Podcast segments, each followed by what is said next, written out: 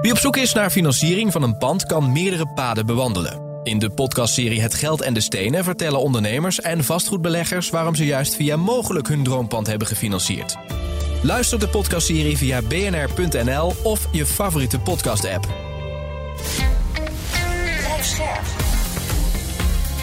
BNR Nieuwsradio.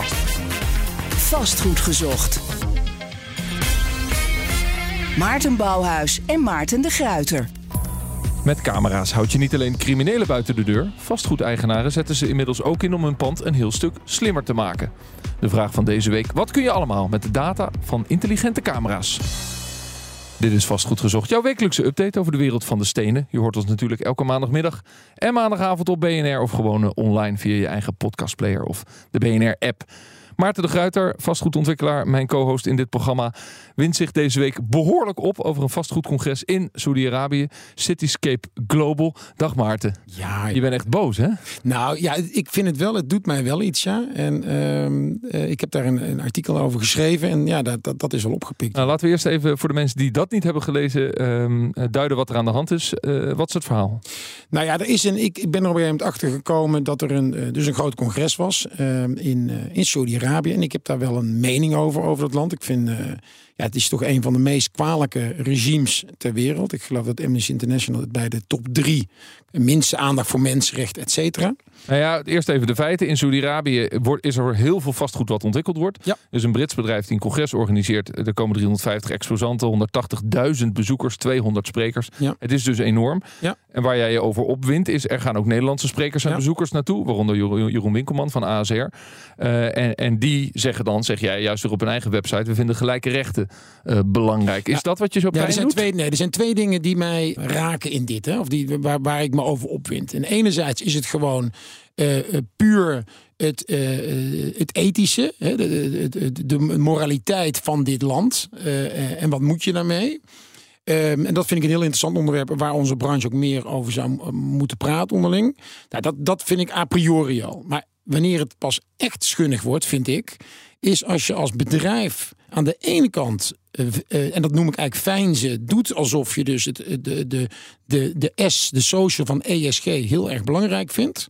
En daar heb je een, een waanzinnige mooie teksten op je website op. En je gaat wel naar zo'n congres en gaat daar eh, eh, braaf zitten praten over future of living. En dan denk ik, future of living, geldt dat ook voor de homo's en de vrouwen en de eh, eh, minderheden in Saudi-Arabië. Ja, en, en dat vind ik wel van belang. Dat je dus die dubbele moraliteit, die, ja, die komt daar nog even dubbel overeen. En wat interessant is bijvoorbeeld, naar aanleiding van mijn artikel wat ik op LinkedIn heb geplaatst, eh, heeft Parool het opgepikt. Eh, Jeroen Winkelman en eh Ger Baron van de gemeente Amsterdam. De gemeente Amsterdam ging ook. Dan denk ik, de gemeente Amsterdam. Hè, ik bedoel, die, die, die continu het heeft over zijn eigen slavernijverleden. eh, over gelijke rechten voor iedereen. En dan ga je naar Saoedi-Arabië. Ja, ik vind Ger het... Baron heeft daarvan zelf gezegd: ik ging daar als spreker naartoe op individuele eh, titel en niet vanuit de gemeente. En achteraf heeft hij er ook van afgezien. Ja, nou, beide gaan niet meer. Jeroen Winkelman ook niet. Maar, maar Maarten, dan het argument, het inhoudsloze argument. Ik ging daar zelf naartoe. Je, gaat, je werkt toch voor een bedrijf. Als je voor een bedrijf werkt, dan neem ik toch aan dat jij de waarden en normen van dat bedrijf onderschrijft. Ja, dus en dan ga je zeggen, ja nee, ik ga op persoonlijke gronden. Dat is toch net, ik, ik begrijp het verschil niet. Wat, dat is toch net zo erg? Dat is, voor, voor jou is dat eh recht praten wat al krom was. extreem krom. En het volgende, en dat vind ik ook, nou, het, is, het is hilarisch, waar het niet dat het om zo'n serieus onderwerp gaat, is dat dan de volgende, wat ze zeggen, allemaal, hebben ze allemaal gezegd, ja, maar ik ga er naartoe om juist het aan de kaak te stellen. En dan ga ik daar wat over zeggen, wat natuurlijk fucking bullshit is. Niemand gaat daar op het podium staan en zeggen, nou, en nu ben ik hier, dan ga ik jullie eens even vertellen dat jullie het anders moeten doen met de mensenrechten. Nee, jij zegt ze gaan er naartoe om over vastgoed te praten en business binnen te halen. Tuurlijk. Ja. Kijk, eh UN Studios, die is ook gevraagd, want die gaan er spreken en die doen er veel zaken. En die gaan dan zeggen in dat artikel, ja, maar wij doen er zaken omdat we dan daar kunnen eh, ehm, wat kunnen doen aan de arbeidsrechten en mensenrechten. Weet je, ik had veel meer ehm, respect gehad als die man gewoon had gezegd: joh, luister, in mijn business is het vrij karig op dit moment en we hebben gewoon het geld nodig. Ja. ja precies. Saudi-Arabië en mensenrechten. Dat is niet echt een fijne combi. Laten we even luisteren naar wat uh, Fleur Beuming van Amnesty International daarover zegt. Er zijn aan de ene kant grote veranderingen gaande in het land. Uh, er zijn uh, economische hervormingen de afgelopen jaren. maar ook op sociaal-cultureel gebied zijn er een aantal veranderingen. Maar de keerzijde van de situatie is eigenlijk dat de repressie niet eerder zo extreem is geweest in het land. En vorig jaar zagen we al recordhoge gevangenisstraffen voor mensen die eigenlijk alleen maar tweets hadden gedeeld waarin ze hun steun uitspraken voor onder andere vrouwenrechtenactivisten. En vorige maand ging het eigenlijk nog een stap verder en werd er een man zelfs ter dood veroordeeld voor kritische tweets. Vorig jaar zagen we ook dat er 196 mensen werden geëxecuteerd. Dat was het hoogste aantal dat wij hebben geregistreerd in 30 jaar. De rechten van arbeiders die meewerken aan grote bouwprojecten in Saudi-Arabië worden systematisch geschonden, zegt Beuming. Een belangrijk eh, bouwproject dat op, uh, op de agenda van dit congres staat is NEOM. Dat is dat bouwproject in de woestijn in het in noordwesten van Saudi-Arabië. Daar wordt een grote stad gebouwd. En er zijn allerlei stammen die daar uh, wonen en mensen die uh, gedwongen zijn te vertrekken uh, van hun land. En daartegen geprotesteerd hebben de afgelopen jaren. En er zijn een aantal mensen daarvoor ook ter dood veroordeeld. Ter dood veroordeeld, omdat je procedeert tegen je eigen overheid. het is nogal wat.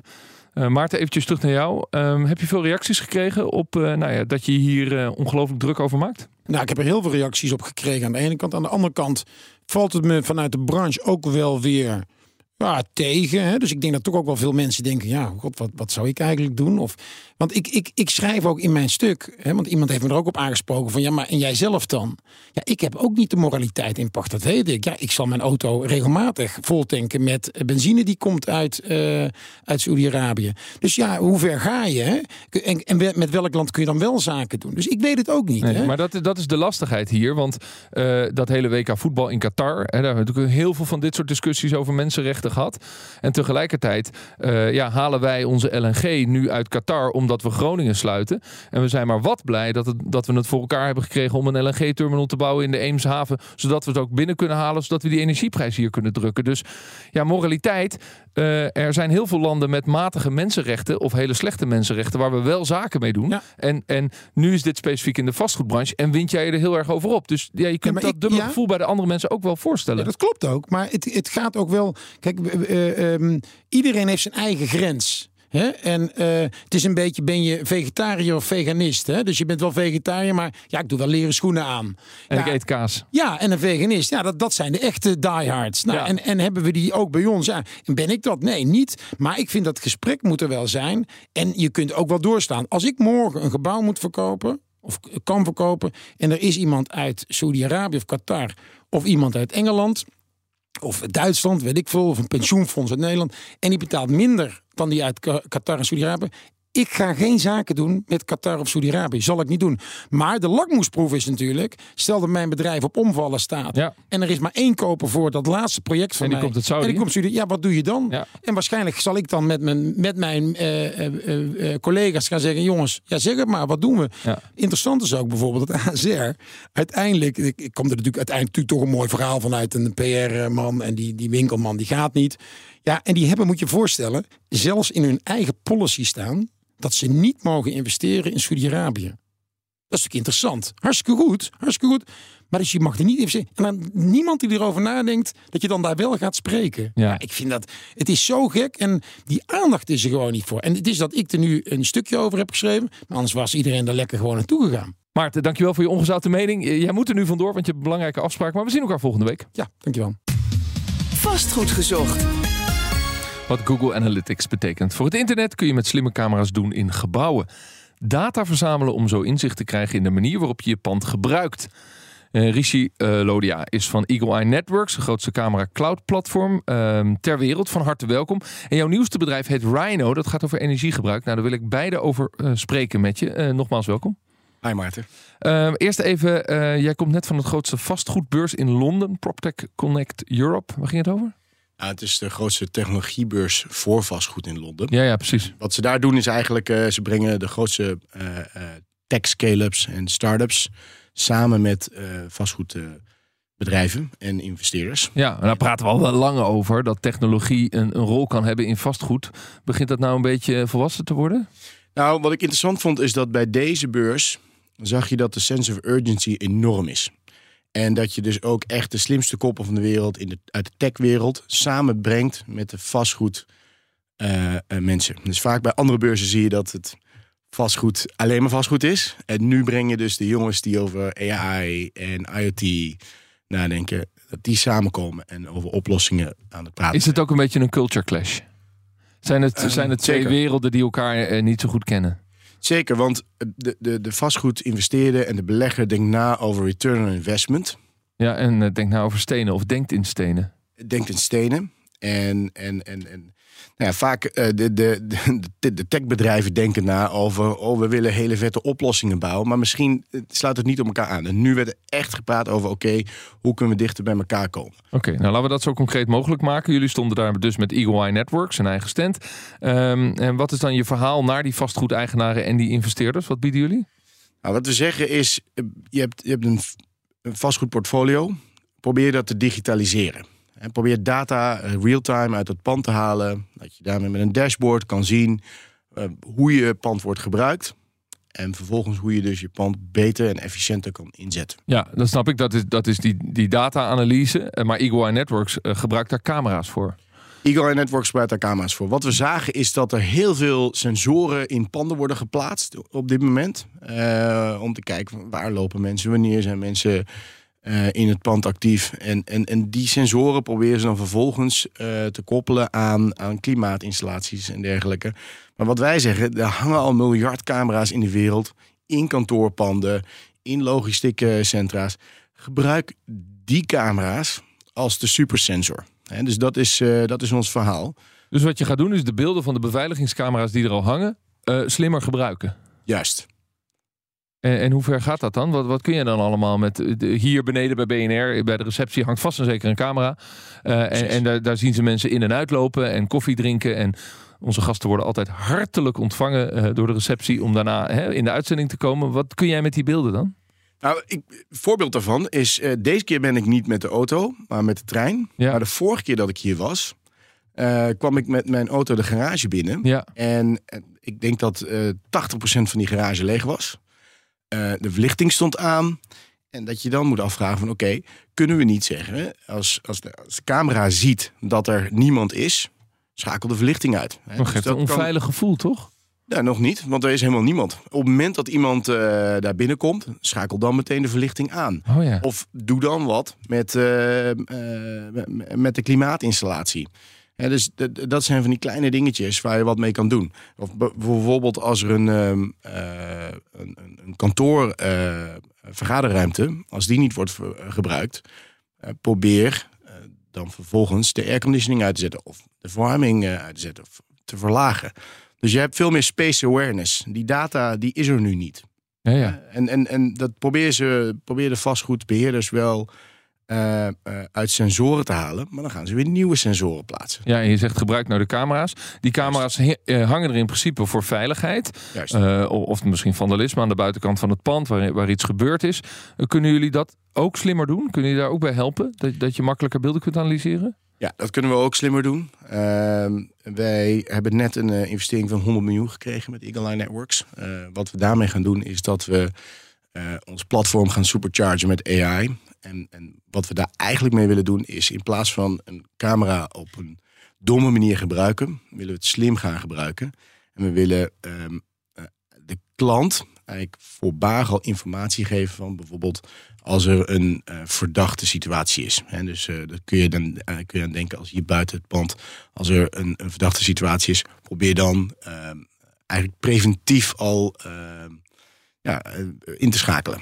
Dat vind ik wel interessant, die verdachte situatie. Uh, en het gebruik van AI. Je zegt we 100 miljoen investering. Nou, dat is nogal wat. Maar is er bij die investeringsronde en bij het denkwerk wat jullie nu doen, nagedacht gedacht over de biases eh, in dit soort systemen?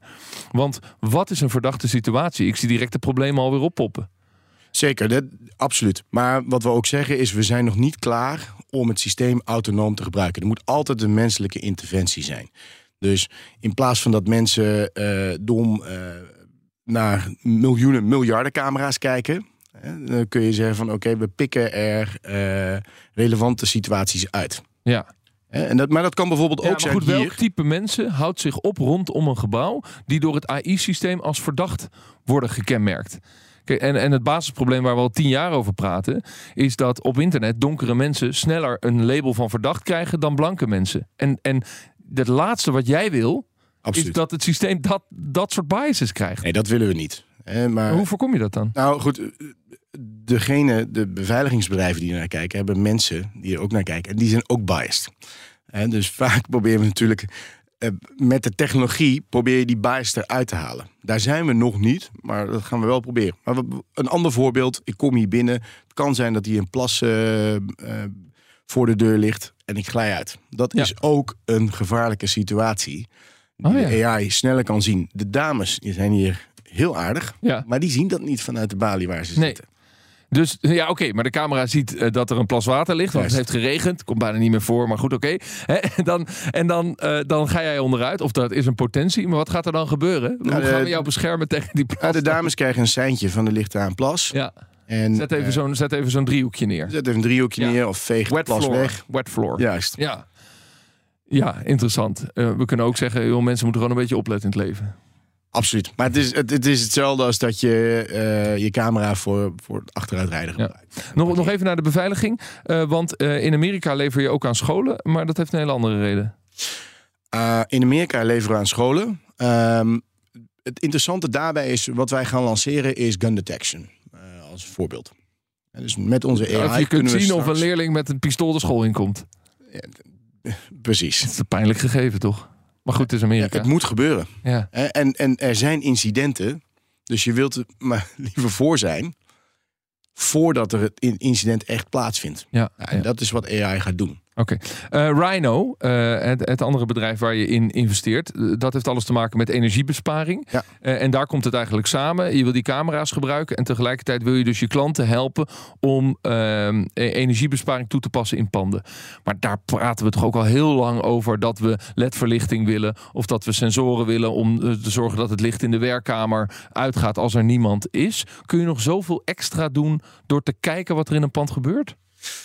Nou, video is een onderdeel van eh, een datapunt voor Rhino. Ja, Rhino heeft, gaat veel meer datapunten eh, gebruiken. oké. is En, dan? Nou, het eerste wat Rhino gaat doen is eh, met een plug-and-play hardware technologie die Rhino zelf heeft ontwikkeld. Kunnen ze straks op een hele snelle manier real-time zien wat het verbruik is in panden. Eh, Een plug-and-play betekent je hangt kastjes in de stopcontacten. nee, dat, gaat, eh, dat, dat, dat, dat wordt eh, in een centrale ruimte geplaatst. Ja, ja. Dus je moet wel iets installeren, een stukje hardware. Je zult waarschijnlijk iets moeten installeren. Ja. Als het gebouwbeheersysteem eh, eh, die data kan leveren, dan gebruikt Rhino. Ja. Nou, laten we vanuit gaan dat we een relatief modern gebouw hebben. Jullie gaan een analyse maken. Dus dan heb ik hè, de analytics van het energieverbruik van het gebouw. Maar hoeveel kun je dan besparen en, en, en, en wa- wat is daar de kans? Want daar is toch elke gebouwbeheerder de afgelopen twee jaar mee bezig. Met hoe kan ik energie besparen?